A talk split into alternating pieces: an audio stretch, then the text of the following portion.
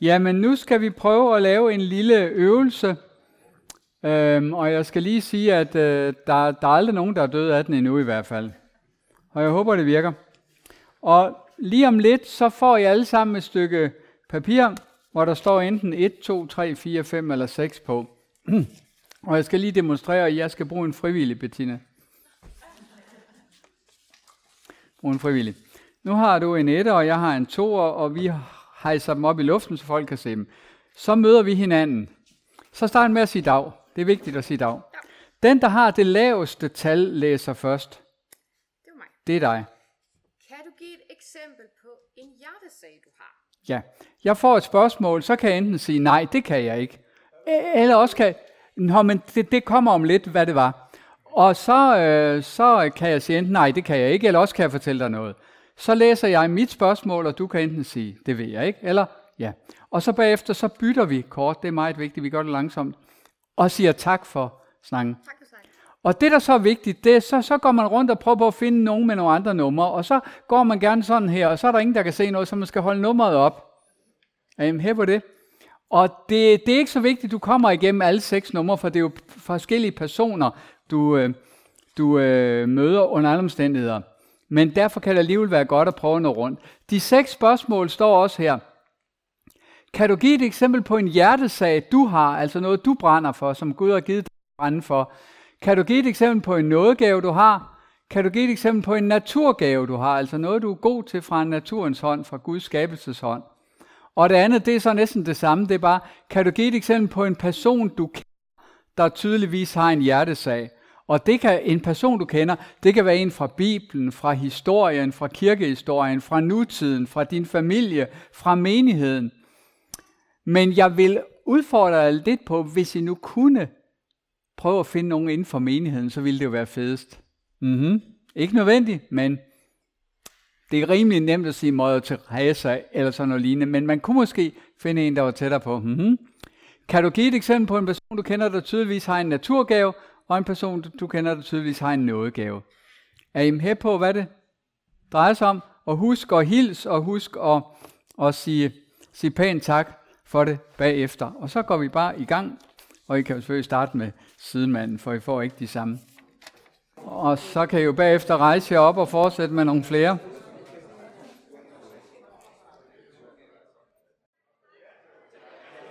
Ja, så tror jeg, vi bliver nødt til at afbryde øh, for denne gang. I kan jo, øh, I kan jo altid prøve at lave det der med at lige spørge hinanden på et tidspunkt, hvis I får lyst og invitere andre til det. Det må I rigtig gerne gøre, men, øh, men nu går vi lige lidt videre. Jeg har valgt, fordi på en eller anden måde skal jeg jo prøve at begrænse det her, øh, fordi ellers kunne, kunne vi jo fortsætte i rigtig mange flere timer, end vi har. Men jeg har valgt, at, øh, at resten af tiden bruges også altså lidt på det der med at prøve at blive lidt klogere på, hvad er det for en nådegave, jeg og de andre har. De enkelte nådegaver kan man spørge til, for eksempel her efter bibeltimen, eller til spørgetimen, ikke også, hvis man har spørgsmål til det, eller til sådan nogle ting, fordi det når vi ikke at komme ind på nu. Men vi skal vende tilbage til det vers, de vers, jeg lovede, at vi skulle vende tilbage til. 1. Korintherbrev 12, 4-6. Der er forskel på nådegaver, men ånden er den samme. Der er forskel på tjenester, men Herren er den samme. Der er forskel på kraftige gerninger, men Gud er den samme, som virker alt i alle. Altså her møder vi treenigheden, som øh, vi godt kender. Vi har ånden, Helligånden. Vi har Herren, det er Jesus. Vi har Gud, det er faderen. Og det er jo det, vi godt kender fra Bibelen lige. Det er der på Bibelens første side, og der på Bibelens sidste side, og mange steder indimellem, at Gud er én Gud, men tre personer, og dybest inde smelter de sammen til en Gud, men ellers er de tre personer treenigheden. Det er der ikke noget mærkeligt i. Det, det, det kommer mange gange i Bibelen, og det kommer her. Men prøv at lægge mærke til, hvad der sker, når vi sætter fokus på tre andre ord i de samme vers. Så kommer der en helt anden treenighed, eller det, de hænger nok sammen. Der er forskel på nådegaver, men ånden er den samme. Der er forskel på tjenester, men herren er den samme. Der er forskel på kraftige gerninger. Så har vi en helt anden trekant, som siger, at den plads, Gud har til dig i menigheden, den består både af noget nådegave, det er evnen, du har, tjenesten, det er det, du laver med evnen, og de kraftige gerninger, det er det, der kommer ud af det, du laver. Mm-hmm. Og når man skal finde ud af, hvad er min plads, så kan man starte med at gå ind gennem tjeneste, eller gennem nådegaver, eller gennem kraftige gerninger. Det skal vi lige se et eksempel på hver. Vi starter med kraftige gerninger. Øh, jeg bruger meget tid og fokus på at bede for andre. Jeg har oplevet med nogle elever, der, der er kommet til mig, og, og vi har set på, hvad de sådan havde nådegaver, og det kunne de ikke finde ud af. Så siger jeg, du har garanteret øh, øh, forbøndens nådegave. Hvorfor er det, siger de, eller hvorfor tror du det? For fordi jeg kan høre på dig, at medmindre der er et enormt stramt program her på skolen, så bruger du en til to timer dagligt på at bede for andre. Jamen gør alle kristne ikke det? Siger de så. Nej, siger jeg, det, det, det, det, det gør vi ikke rigtig alle sammen. Men, men det er dine kraftige gerninger. Så, så en af dine nådegaver i hvert fald, det er forbøns nådegave, og så kan du prøve at finde nogle tjenester til det. Er der en forbønsgruppe i dit, i dit menighedssammenhæng? Er der en tilbyde forbøn ved møder, eller kontakt børneklubben og bede om at få navnene på børnene, og høre, hvordan det går på lederne og programmet, så du kan bede for det, og jævnligt lige, lige blive briefet op på et tidspunkt om, hvordan det går, og sådan nogle ting. Sådan kan man, kan man starte med det. Jeg kan også være, med starter med tjenesten. Der var et uh, øh, IM-fællesskab, som skulle have en ny formand, og i bestyrelsen var der ikke rigtig nogen, der lignede en formand, og der var heller ikke nogen ekstern, der lignede en formand. Så satte bestyrelsen sig og bad sammen helt stille, og bagefter havde de stort set alle sammen, jeg kan ikke huske, om det var alle sammen, eller der manglede en, men ellers havde de fået det samme navn. Og, og ham, der hed det, han havde også fået det navn. Så det måtte jo være ham. Men, sagde han, det, det går ikke, altså jeg jo, altså en formand skal også kunne stille sig op og sige noget, altså bare, bare stille, stille, stille mig op til min børns konfirmationsfest og sige velkommen det gav jeg næsten ikke. Men, sagde han så, gudskelov, altså hvis Gud har kaldet mig, så må Gud også selv tage ansvaret. Det er åbenbart den tjeneste, jeg skal have, så må han også give mig den nådegave, der skal til, eller de nådegaver for at være formand. Og så gik han ind i det, og det viste sig faktisk, at de kraftige gerninger bekræftede, at han blev en god formand. Så man kan også starte med at få et kald, få en tjeneste, og det er man så overbevist om, så det må man så gå på, ligesom Moses for eksempel. Så kan man så også starte med nådegaven, for eksempel øh, har der et par gange kommet ind til mig og sagt, at jeg er nådegave. Altså nu kalder jeg det evangelist blandt egne, fordi jeg skiller mellem evangelist blandt egne og evangelist blandt andre kulturer. Han kan få nådegave til at være evangelist blandt folk af samme kultur som en. Og så kan man få en nådegave, som jeg tror skal være lidt anderledes, for at kunne evangelisere for folk af en anden kultur, hvad enten de bor i Danmark, eller jeg rejser ud for at, at, at evangelisere blandt dem. Så nu er det blandt egne. Okay, så ser vi på det. Det er den nådegave, du mener, du har. Så lad os se på dit liv. Hvad kommer der ud af det? Jo, der sker faktisk ofte det, at ikke troende hører om Jesus. Okay, jamen så skal det jo nok passe, du har den, og hvordan kan du så bruge den ind i menighedens sammenhæng? Så den her trekant kan man altså bruge, øh, både når man selv arbejder med sin egen nådegave, og når ledelsen arbejder med, hvad hver enkelt har af nådegaver så kan man bruge den her trekant. Den er meget, meget praktisk, synes jeg. Ledelsen, og nu siger jeg det med lidt ondt i maven. Nå nej, for tiden kan jeg sige det uden ondt i maven, for, for jeg sidder ikke i bestyrelsen lige nu. Haha, jeg sidder i nogle andre udvalg, men ikke i bestyrelsen, og jo heller ikke i menighedsrådet, det kan jeg ikke en højere præst. Så det er fint nok. Men det gælder om at lægge et puslespil. Altså det, er, det er jo heller ikke et billede fra Bibelen, og alle billeder, de er jo mangelfulde, og især dem, der ikke er fra Bibelen. Men meningen er nu, at vi skal lægge puslespil. Menigheden skulle gerne lægge puslespil, og næsten alle menigheder, jeg kender, bortset fra nogle få pinselignende, nogle i Sydamerika, så starter de med at lægge rammen. Ligesom man jo gør, når man lægger et puslespil. Ikke? Og så starter man med at lægge rammen. Men mindre man er et lille barn, så, så går man efter noget, man genkender, siger pædagogerne. Men, men nu er vi jo voksne mennesker, så vi gør noget andet.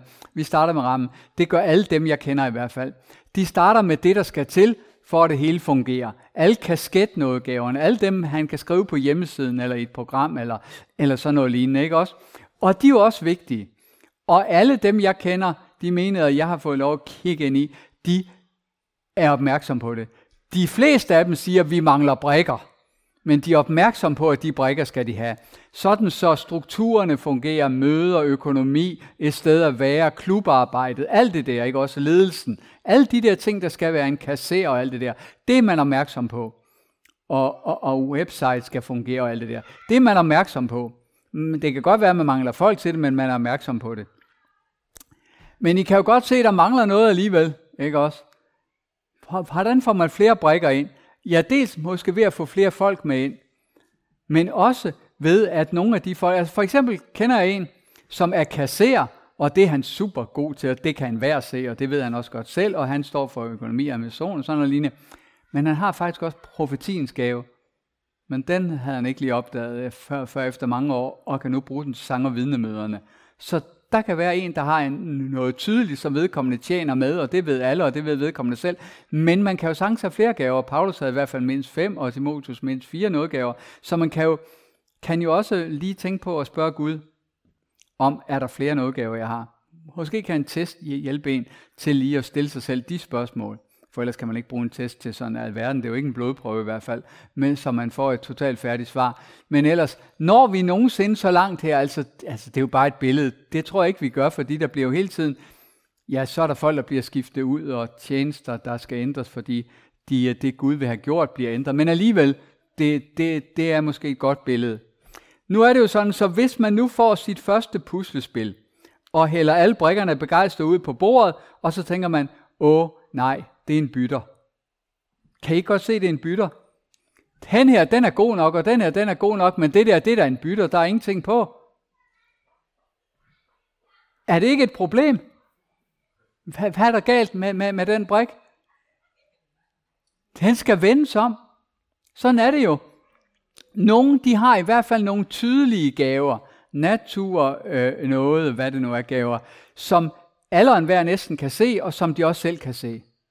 Og nogen, jamen det er nogle gode, solide, trofaste kristne, det er alle enige om, men, men ja, hvad er det egentlig lige, de specielt kan? De ved det ikke selv, vi andre ved det heller ikke. Og der er det altså en menighedens opgave, især ledelsens opgave, at hjælpe dem med at finde ud af at forvente brikken, så de får farvesiden opad.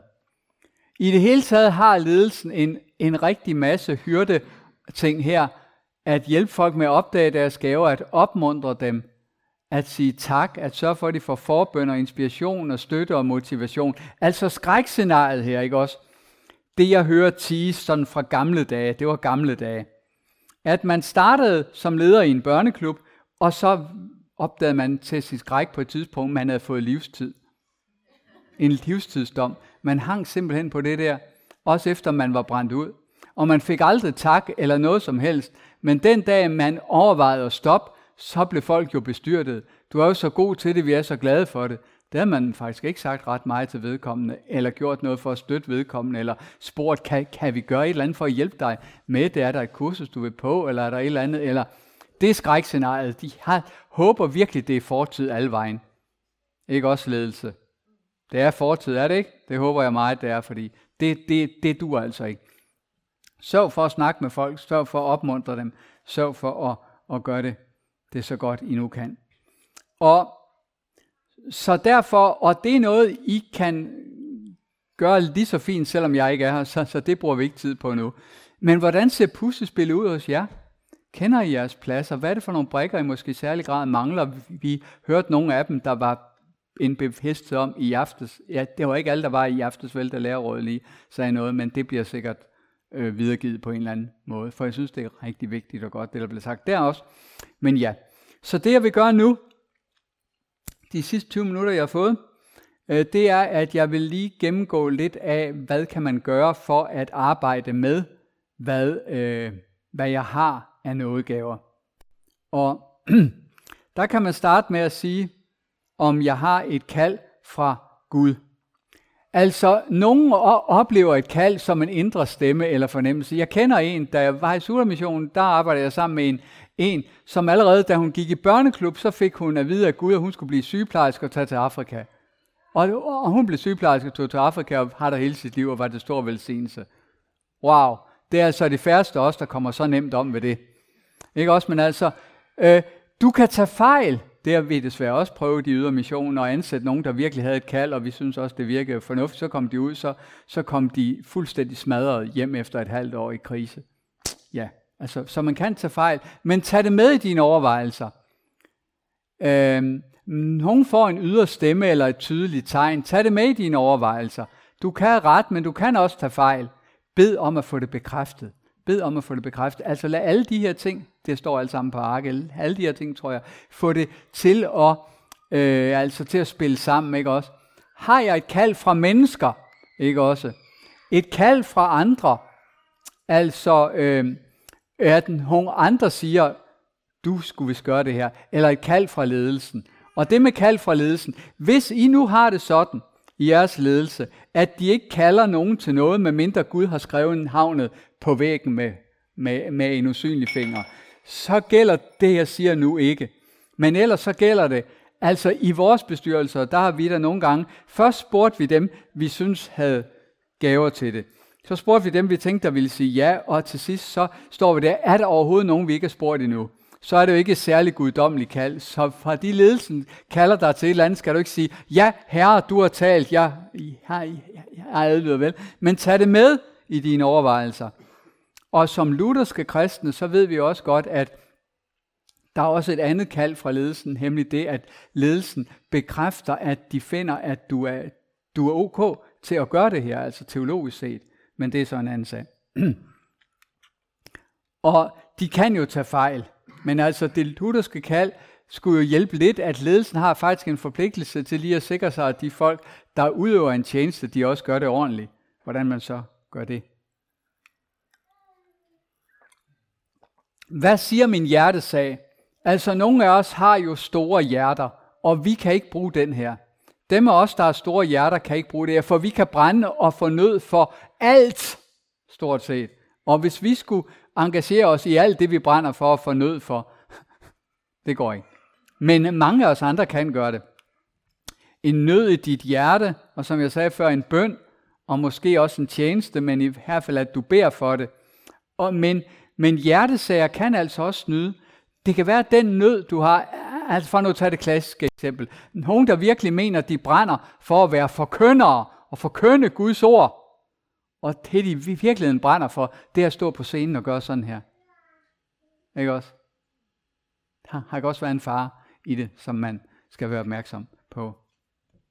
Hvad er det, jeg har lyst til? Altså, den gang, da jeg begyndte at arbejde med nådegaver for en 30-40 år siden, siden, der fandt jeg ud af, at i de gamle intermissionske sammenhænge, og måske også andre, jeg tror også det var Luthersk mission, der var det sådan så hovedreglen for, at det var en nådegave, det var, at det var noget, du absolut ikke kunne forestille dig, du kunne være glad for. Du skulle simpelthen få ondt i maven, hvis du tænkte på, at du skulle gøre det, for ellers var det jo nok din egen egoistiske lyst.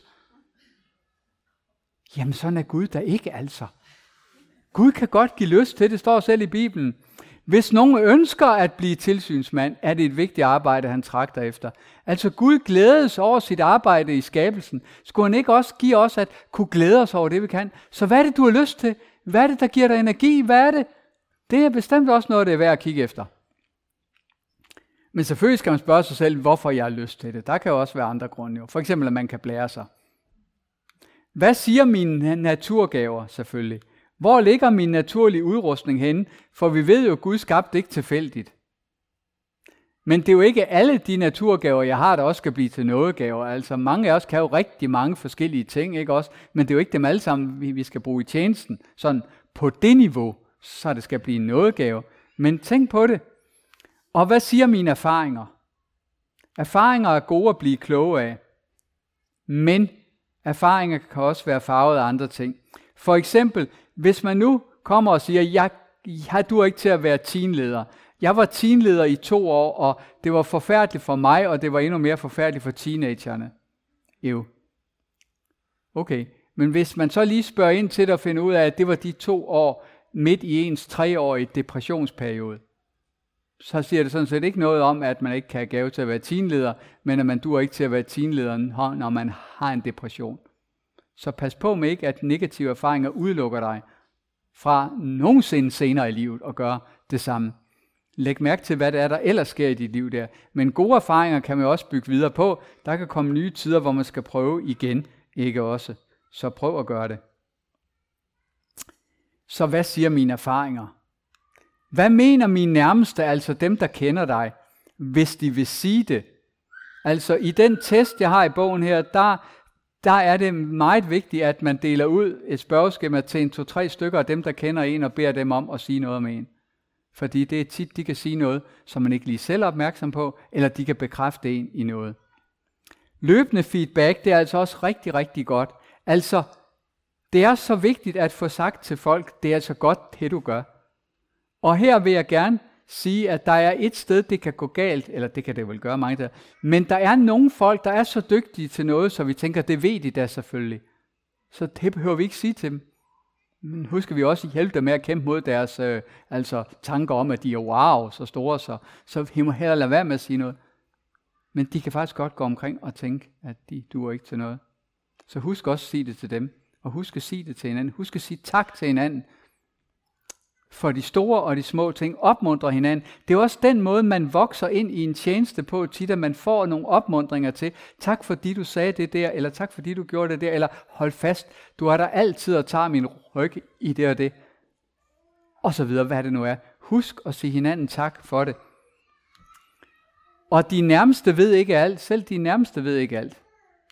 Hvad siger mine ledere? Ja, hvis de siger noget. Og ellers så spørg dem. For de har altså et ansvar, og de skulle gerne have en udrustning og et overblik.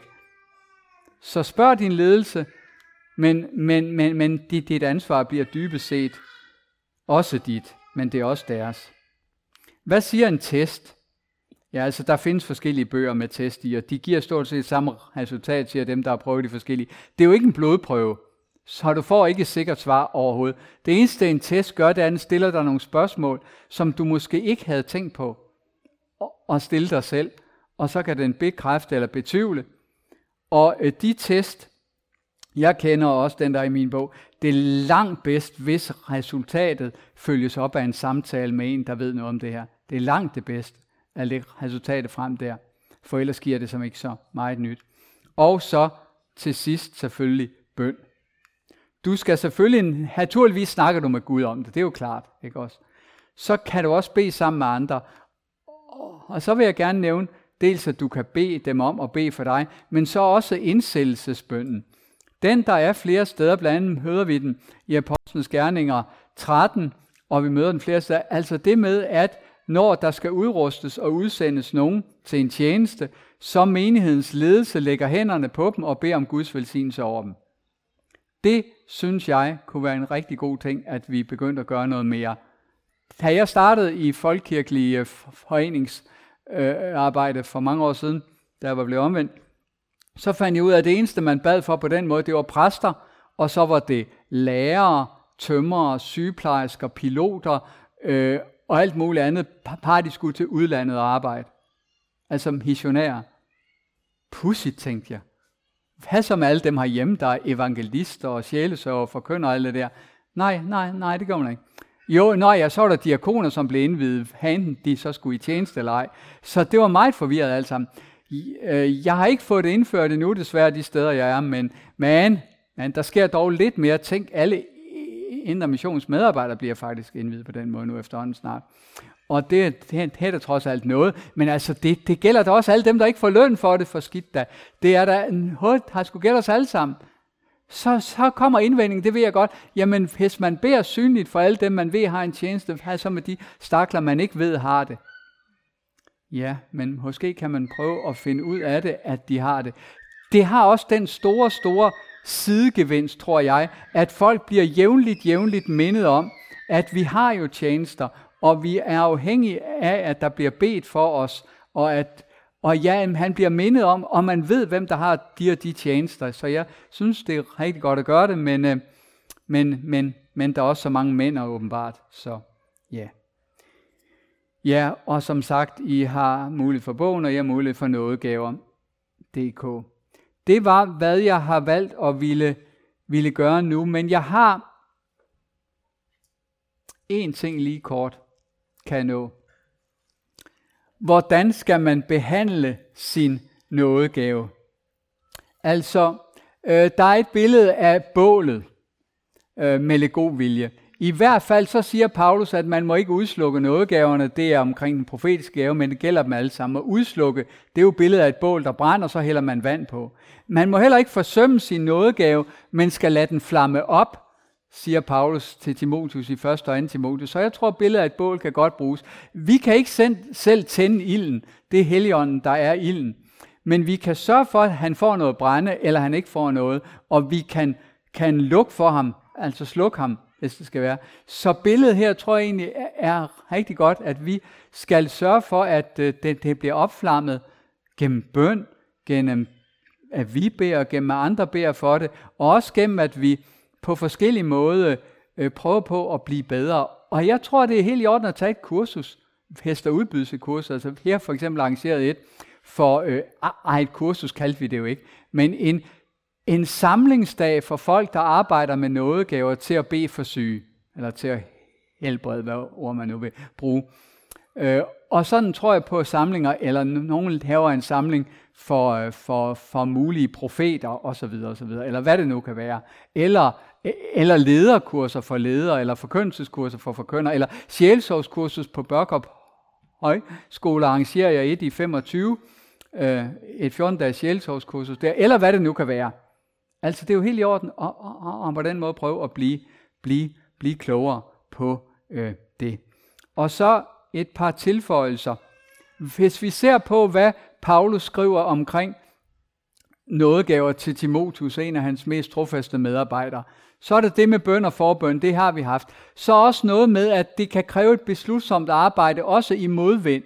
At man kan, kan jo, altså selvom Gud har udrustet en og kaldet en, så er det jo ikke sikkert, at alting bare glider i olie, vel? Og så tænker man, det er nok fordi, at jeg er et forkert sted. Det er ikke sikkert, du er et forkert sted. Det kan godt være, at du er det rigtige sted, og det er høj ubehageligt lige for tiden, desværre. Men det kan godt være, det er der, Guds velsignelse er alligevel. Så er det noget med at lade sig fylde af ånden, det har jeg lige snakket om, det der med billedet af at få hældt olie på. Og så er det noget med at holde fast ved den sunde lærer. Det er det selvfølgelig, fordi Timotheus også er lærer, men jeg tror også, det gælder alligevel, og det er så det sidste billede, jeg giver jer nu, at det hjælper ikke noget, hvis man nu har en båd, og, og den vil man gerne til at sejle, og, og så arbejder man en masse med at ordne øh, øh, op på dækket og masten og sådan nogle ting. Det er jo rigtig fint, at det er i orden, men det hjælper ikke noget, hvis der er hul ned i bunden af båden. Og en menighed, hvor der er en virkelig stor lækage i læreren, det går galt, uanset hvor dygtig man ellers arbejder på alle andre ting. Så, så der er det altså vigtigt at få stoppet hullerne i bunden under alle omstændigheder. Og det er så lærerrådet, der blandt meget skal, skal sørge for det. Ja. Det tror jeg er, der er 6 minutter tilbage til lige at være med til at... Øh, altså, jeg regner med, at nu her bagefter, så kan der være spørgetime, ikke også? Og så også spørgetime mm, øh, klokken, hvad var det nu? Kvart over tre. Ja, og det jeg gerne vil sige, det er, hvis der er nogen nu, der eventuelt går nu og ved, at de kommer igen øh, øh, til spørgetimen, men ikke er her bagefter nu, så hvis de har nogle spørgsmål, de gerne vil have svar på, og, og kan fortælle mig det nu, så svarer jeg ikke på dem nu, men først 15.15. 15. Fordi det kan være, der er nogen, der går nu, ikke også, og nogen, der bliver siddende, og så er det jo ærgerligt, hvis man... Så er der nogen, der har nogle spørgsmål, de godt vil have øh, svaret på 15.15, 15, så kan jeg love, at det sker, hvis I siger dem nu.